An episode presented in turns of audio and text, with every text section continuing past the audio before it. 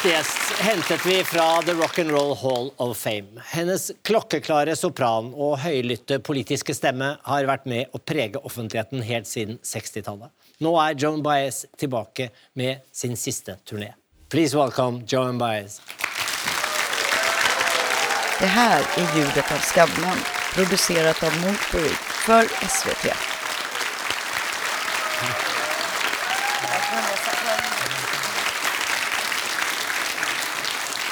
Welcome, welcome to Scandinavia. Oh, I- this is a wonderful show. I mean, I'm in culture shock.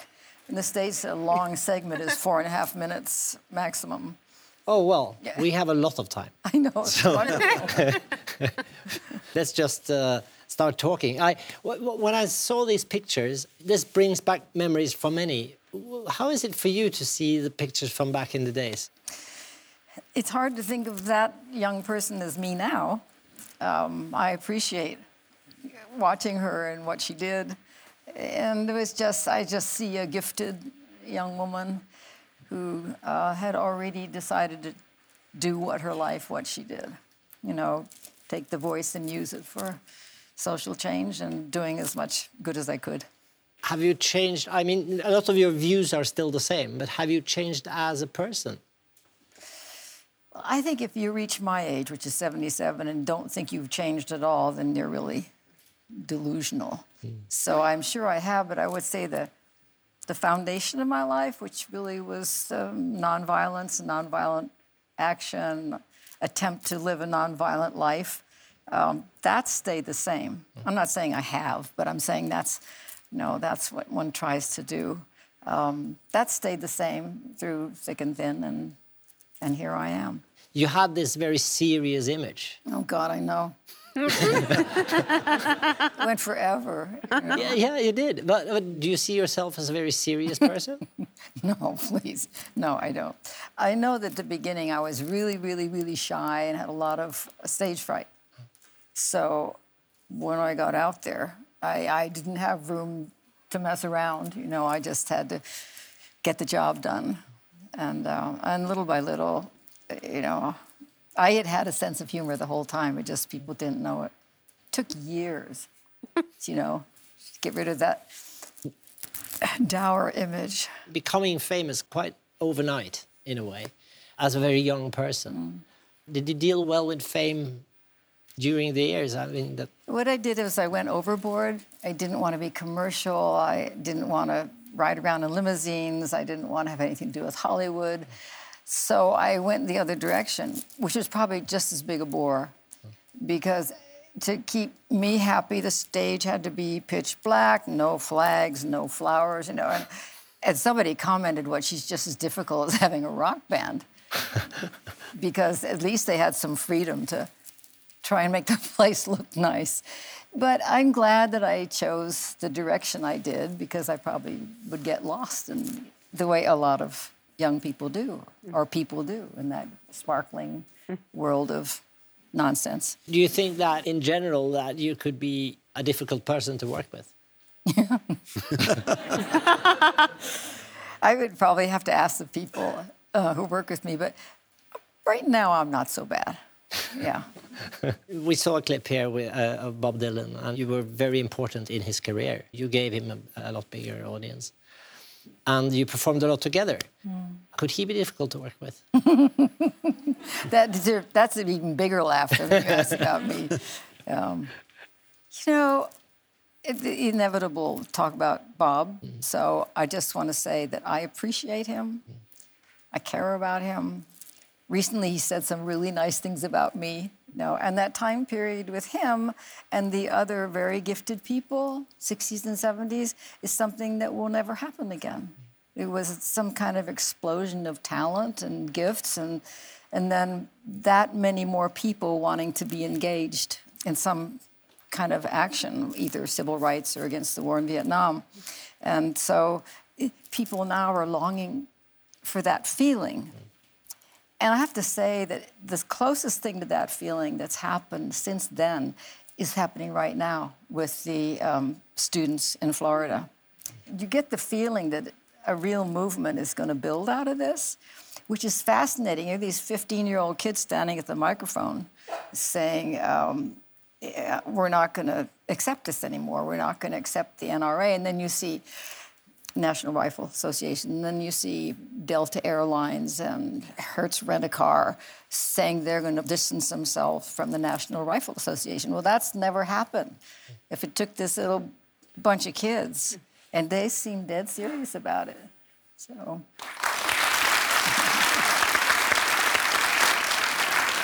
Do you think it takes a tragedy in order to get people engaged? I think now we're talking about what happens in Florida now, but also the Me Too movement mm. before that. Yeah. I think it's hard just on an, you know, from out of nowhere mm. for young people to start, you know, mm.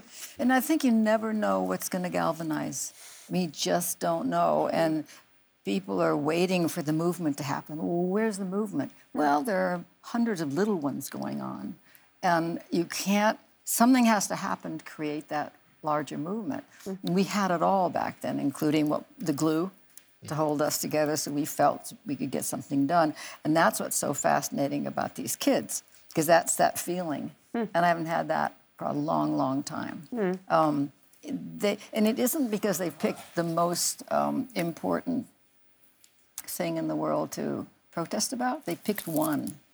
And because it, it affected them and it impacted them so hugely. And then they were able to hmm. say, to stand up. And it's their risk taking that's hmm. fascinating. do you think it's going to change? Do you think the gun laws in the U.S. will be substantially changed? Yeah, I think it's already started. Hmm. You're going to do a very relevant song for us a little later mm-hmm. about this topic, in a way. Yeah.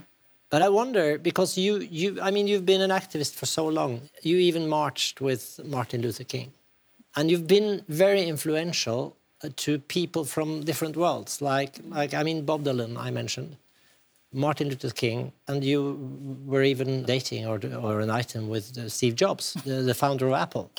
And this is, these are so different worlds, but they are so influential. Do these people have anything in common that you can recognize? They're all complicated. They're all complicated. I had an interview with, I think she was an Australian journal, journalist over the phone, long distance, had a lot of questions, a lot of answers. And then she said, I have one last question. And I said, sure. And she said, Do you realize you're the only woman in the world who's seen both Bob Dylan and Steve Jobs naked? and I said, At the same time? and she said, No. That, but still, the, the, do, do, you, do you see any similarities?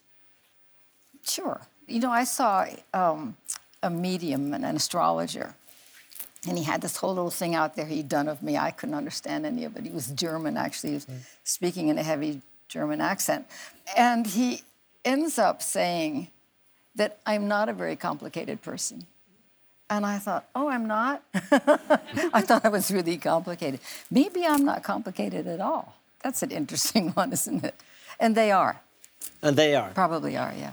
But I'm, I'm so impressed that, at, that you dared to be politically active and speak up when you were so young. Because when I was at that age, I studied political science because I thought I would be like a deep digging journalist. But then I just chickened out, and then and I did stand-up comedy on the side. So then I felt like if you cover criticism or politics in a joke, it's easier to just sort of Get around sneak it. around it without being serious. I kind of that was what I knew from such an early age. I mean, I was 15, and I was in high school, and there was going to be a uh, an air raid drill, which means the siren goes off and you're in high school, and you're all supposed to run home, and it's the amount of time that the weapons would take to get from Moscow to my high school. And I asked my father, who was a physicist, I said, How realistic is this? Siren goes off, missiles on its way. Does everybody have time to run home? And obviously not. So I stayed in school to protest that. Um, and I was scared, you know, I was nervous. You, you, um, I mean, you, you've done more than singing, performing, and talking. You traveled a lot, and you traveled into war zones. Back in '72, you were in Hanoi when the bombs fell really hard. Can you can you take us back there for a moment? Well, when I went, it was as a peace group, to meet with a peace group in Hanoi. They were North Vietnamese Communist Party, but wanted to talk, you know, just to talk. And we went over. There was a, a minister and a left-wing ex-military and a four-star general with us, and there had not been any bombing there for half a year, so nobody was expecting. The sound of this siren went off at our second night, second big dinner, and the siren went off, and I'm thinking, oh, they must have these exercises all the time. then we heard boom, boom in the distance, and you know, for us, we didn't know what was happening really. The Vietnamese did, but they were stunned. Um, but they got us down in bomb shelter. Um, and I remember in the bomb shelter, that's where I understood about my own mortality. I mean, I kind of was so frightened. And a lot of times I'm not frightened. I do this stuff and I stay calm, but you can't be calm in that. Atheists, agnostics, everybody saying, "Dear God, please don't let that bomb land on me." You mm-hmm. know. then afterwards, you feel guilty because it fell on somebody else. I mean, it's not a win-win situation. It was, it was pretty terrible. I had a moment when I decided, this pacifist is not going to run to the bomb shelter. And so, the next time the siren went off, I was walking very slowly. There was an explosion really, really near, and everybody started running, and I ran so fast. I just lost all my brilliant self-image I had. And I just, blah, I couldn't get there fast enough. I would trample people trying to get to the bomb shelter. Did Did you feel that you could comfort people, or did people have to comfort you? Um, as soon as I got, as soon as I was a veteran, which took one night, they had 11 bomb raids in one night, then I'd sing. I'd sing in the shelter. And, and it probably calmed me too to do A that. very a very different venue indeed. yes, it was a different venue, yeah. You are going to do a song for us, uh, and I know you're very concerned about your voice. What's happening with your voice? It's um, like everybody else who sings. The gravity starts taking over. Pretty soon it will take over everything. But for me, it's mostly started in the throat. It's a muscle in there, and it loses flexibility, and you have to start working with it to keep it flexible and keep it sounding like what you want to hear. And I, my voice has been totally reinvented now because those high notes are, oh, you know, long time ago. So, how do you exercise? Oh, they're awful. I mean, I see a vocal therapist. We do these la la la la la la la, and they go, mm. no, I mean, really horrible. I won't let anybody near when I'm doing them. They say, oh, can I come and listen to your rehearsal? no, it's really horrible. And I do that between 10 minutes and 30 minutes each day when I remember. The song you're going to do, it's uh, a song that's very relevant today. uh, Yeah. What we've been talking about. It just kind of dropped out of the sky when I was putting this album together. Um, it's called The President Sang Amazing Grace. And it's about the time that Obama sang Amazing Grace um, after the killings at another school in Charleston. And he, I mean, no other president could have done that. And I hope none of ever tries, because he was this wonderful black man surrounded by, you know, black people in the church. And the song says there were no words to say. And apparently there weren't because he leaned into the microphone and he started singing Amazing Grace. And it was one of the most moving things I'd ever seen. And then this young woman wrote this song about it. So, You ready? yes, I'm ready. Joan Baez. Thank you.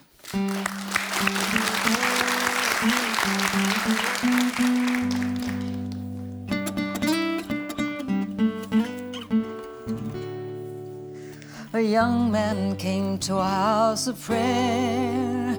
They did not ask what brought him there. He was not friend, he was not kin. But they opened the door and they let him in. And for an hour the stranger stayed. He sat with them and he seemed to pray. But then that young man drew a gun and killed nine people, old and young.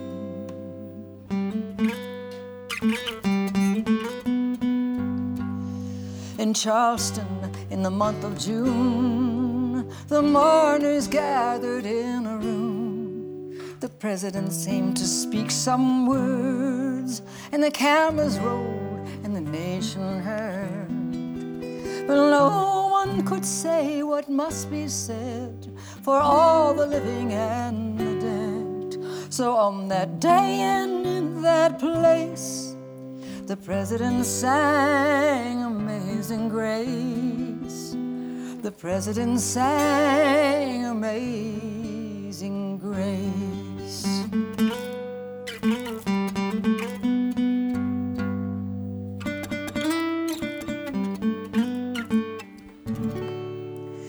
Argued where to lay the blame on one man's hate or a nation's shame, some sickness of the mind and soul, and how the wounds might be made whole. No words could say what must be said for all the living and the dead. So on that day and in that place, the president sang Amazing Grace. My president sang Amazing